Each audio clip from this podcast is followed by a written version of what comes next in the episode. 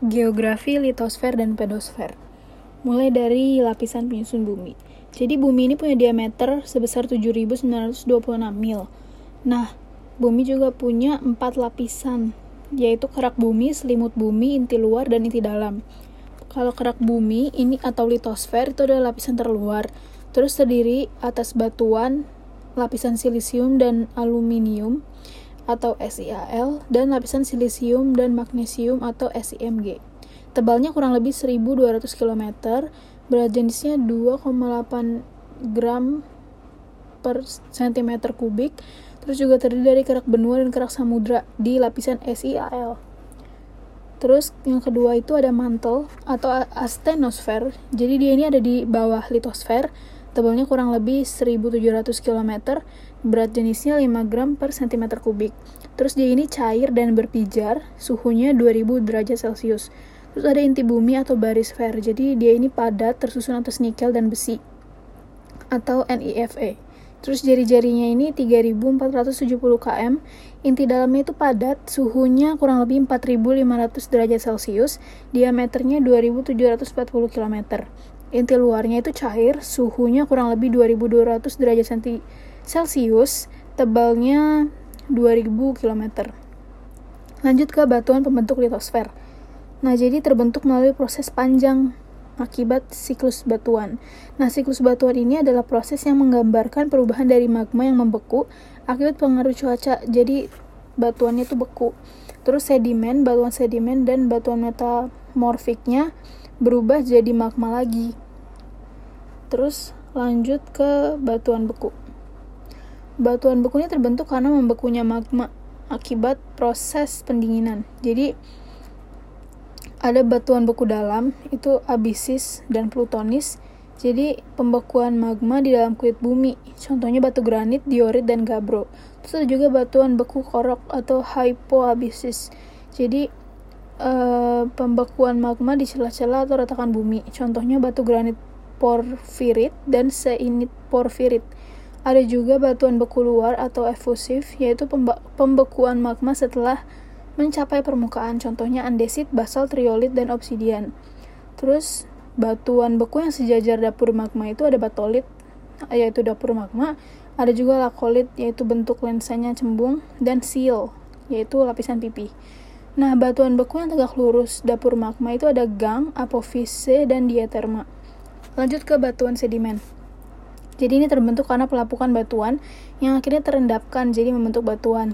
Nah, ada berdasarkan proses terjadinya. Yang pertama itu sedimen klastik atau mekanik. Jadi dia diangkut dari tempat asal kemudian diendapkan tanpa mengalami proses kimiawi. Contohnya batu breksi, kerikil dengan sudut tajam. Terus ada konglomerat, kerikil dengan sudut tumpul, terus ada pasir. Yang kedua ada sedimen kimiawi. Terbentuknya itu dari endapan hasil perutan kimiawi, contohnya gips dan batu garam. Terus ada sedimen organik. Jadi dia dipengaruhi unsur organik, contohnya batu bara dan batu gamping. Terus sekarang berdasarkan tenaga pengangkutnya, yang pertama ada sedimen akuatis, jadi dia diendapin sama air, contohnya batu pasir dan lumpur. Terus ada sedimen aeolis, jadi dia diendapin sama angin, contohnya tanah los dan pasir. Ada juga sedimen glasial, itu dari tenaga gletser contohnya morena dan tanah lim. Terus ada sedimen marin yaitu air laut contohnya delta. Ada cara cepatnya jadi batuan sedimen berdasar tenaga pengangkutnya itu ada 4 MAGIS magis yaitu marin, aeolis, glasial, aquatis Lanjut ada berdasarkan tempat diendapkannya. Yang pertama ada sedimen terestrial itu di darat, contohnya tanah los, batu tof, dan breksi. Terus ada sedimen fluvial itu di dasar sungai, contohnya pasir. Terus ada sedimen marin di dasar laut, contohnya batu karang dan batu garam. Terus ada sedimen paludal atau limnis itu di rawa atau danau, contohnya gambut dan tanah lim. Ada juga sedimen glasial itu di daerah es, contohnya batu morena, dan sedimen marginal itu di pantai. Lanjut ke batuan metamorf atau malihan. Jadi itu adalah batuan beku endapan yang sifatnya udah berubah.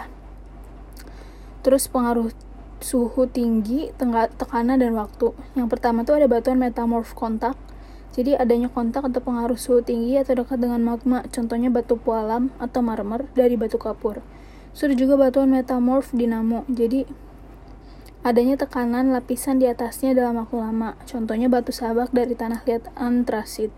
Ada juga batuan metamorf pneumatolistis, jadi dia pengaruh suhu tinggi, tekanan di sekitarnya itu pada waktu yang lama, dan masuknya unsur lain, contohnya batu permata dan intan. Ada cara cepatnya, macam-macam batuan metamorf itu, ingat aja, dino kontak penilik, yaitu dinamo kontak pneumatolik. Lanjut ke tenaga pembentuk muka bumi. Jadi ada dua, yaitu endogen dan eksogen. Nah, kalau endogen itu dari dalam bumi, sifatnya membangun atau konstruktif. Kalau yang eksogen dari luar, itu bisa berupa tenaga air, angin, sinar matahari, maupun tenaga dari makhluk hidup. Kita bahas tenaga endogen. Itu yang pertama ada tektonisme. Jadi, ini tuh adalah tenaga dari dalam bumi, baik mendatar maupun vertikal, yang menyebabkan perubahan muka bumi. Dibedakan jadi dua. Yang pertama, epirogenesa. Jadi ini pengangkatan dan penurunan benua yang relatif lambat pada areal yang sangat luas. Yang terus ada epirogenesa positif dan negatif. Kalau yang positif itu adalah turunnya permukaan bumi seolah-olah permukaan lautnya itu jadi naik. Terus kalau yang negatif itu naiknya permukaan bumi seolah-olah permukaan laut menjadi turun. Nah, yang kedua ada orogenesa, jadi terbentuknya lipatan, patahan, dan rekahan yang relatif cepat pada areal yang sempit. Sekarang vulkanisme. Nah, ini peristiwa naiknya magma dari perut bumi yang disebut intrusi magma kalau e, naiknya magma ini masih ada di dalam lapisan kulit bumi. Nah, kalau ekstrusi magma itu kalau magmanya udah mencapai permukaan. Bentuk intrusi magma itu pertama ada batolit, jadi dia ini batuan beku yang terbentuk di dapur magma. Terus ada lakolit, yaitu magmanya menerobos lapisan kulit bumi dan mendesak lapisan atasnya, berbentuk cembung dan datar di bawahnya. Ada juga seal, dia itu magma masuk di antara dua lapisan dan membeku membentuk lempeng memanjang. Kalau dia trema itu adalah magma yang membeku pada pipa atau gang berbentuk silinder memanjang dari dapur magma ke mulut kawah. Terus ada gang atau korok, yaitu magma yang memotong lapisan kulit bumi dengan bentuk pipa atau lempeng setelah membeku. Ada juga apofisa, dia itu adalah cabang gang. Terus selanjutnya ada bentuk ekstrusi magma. Yang pertama erupsi, yaitu letusan. Ada ada erupsi eksplosif, ada erupsi efusif. Kalau eksplosif itu keluarnya magma itu menimbulkan ledakan, explode gitu meledak. Kalau efusif, magma yang keluarnya itu cuma meleleh. Terus lanjut ada erupsi berdasarkan bentuk lubang. Itu ada linear, sentral, dan areal. Kalau yang erupsi linear itu terjadi pada lubang yang memanjang.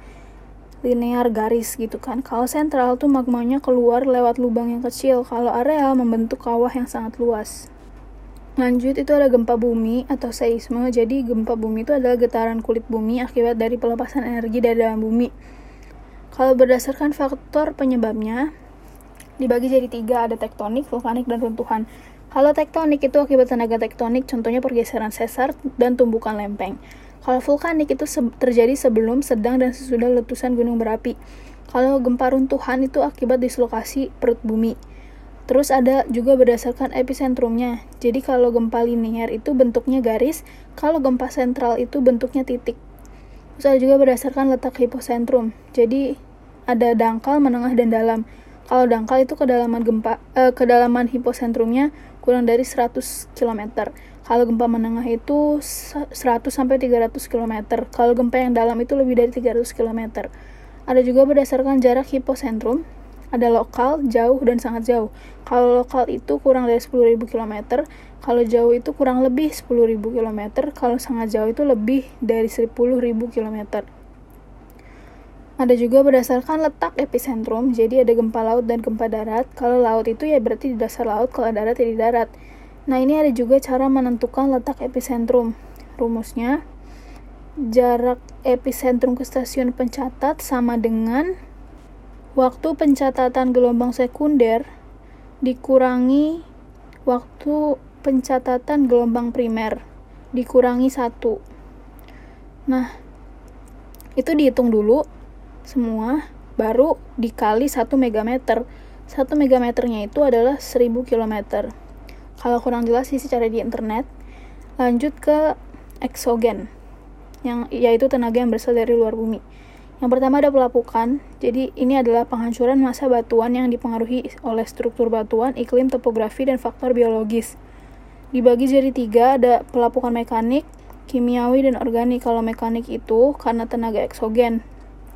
Contohnya suhu sinar matahari dan curah hujan yang berulang-ulang dalam waktu lama. Kalau kimiawi itu karena penghancuran batuan lewat proses kimiawi. Kalau organik itu karena tumbuhan, hewan, dan manusia. Terus ada juga pengikisan atau erosi. Jadi ini adalah terlepasnya materi batuan oleh tenaga pengikis, contohnya air, angin, dan gletser. Nah, yang pertama ini ada ablasi, itu oleh air mengalir.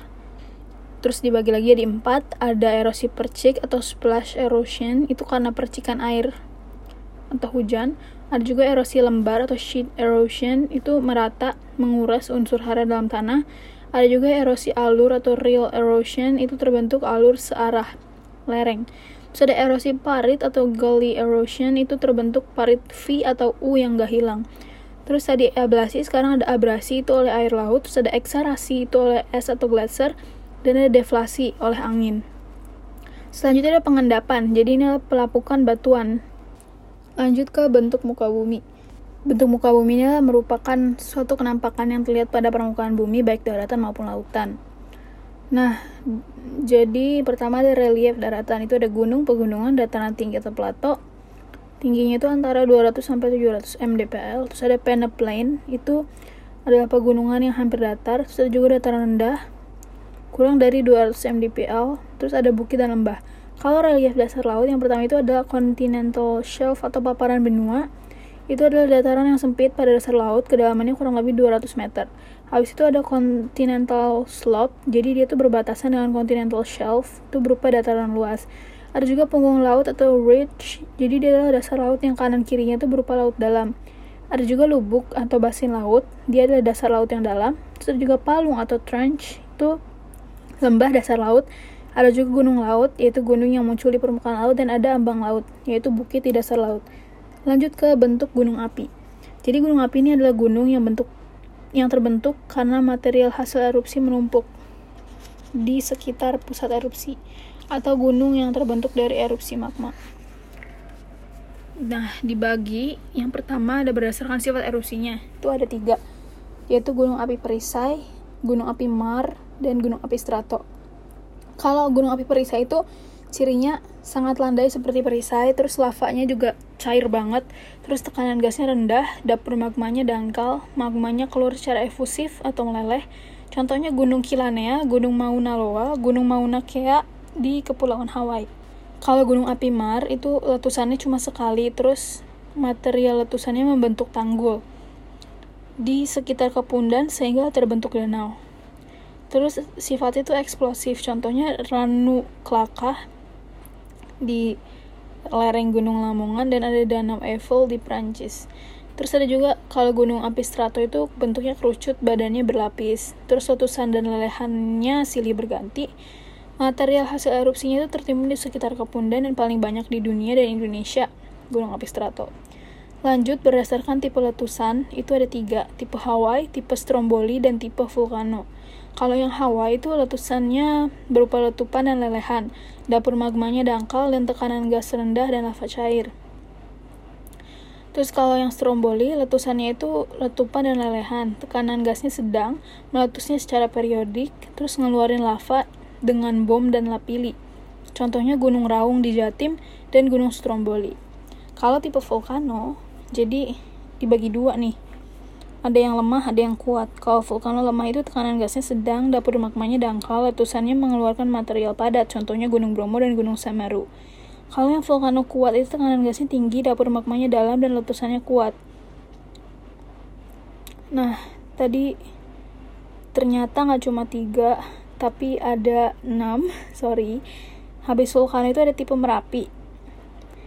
Cirinya, letusannya berupa hembusan gas, lavanya kental, Dapur magmanya dangkal, tekanan gasnya rendah. So juga tipe Saint Vincent, itu cirinya lava cair liat, letusannya hebat, tipenya pel, terus sumbat kawahnya tinggi, dapur magmanya dalam, tekanan gasnya tinggi, memancarkan gas pijar bersuhu 2000 derajat Celcius, dan contohnya adalah Gunung Montagne Pel di Amerika Tengah. Terus ada juga tipe Peret. Ini letusannya paling hebat. Dapur magmanya sangat dalam, tekanan gasnya sangat tinggi, lavanya juga kental. Contohnya Gunung Krakatau yang meletus tahun 1883. Lanjut ke faktor penyebab terjadinya tsunami. Tsunami ini berasal dari kata su dan nami. Su artinya pelabuhan, nami artinya gelombang. Jadi tsunami itu artinya perpindahan badan yang terjadi akibat perubahan-perubahan laut secara vertikal dengan tiba-tiba. Tenaga yang dikandung dalam gelombang tsunami ini tetap terhadap fungsi ketinggian dan kelajuannya. Terus di laut dalam gelombang tsunami itu bisa merambat dengan kecepatan 500 sampai 1000 km per jam. Itu setara sama kecepatan pesawat terbang. Nah, ketinggian gelombang di laut dalam itu cuma sekitar 1 meter. Jadi laju gelombangnya ini nggak kerasa sama kapal yang ada di tengah laut. Gitu.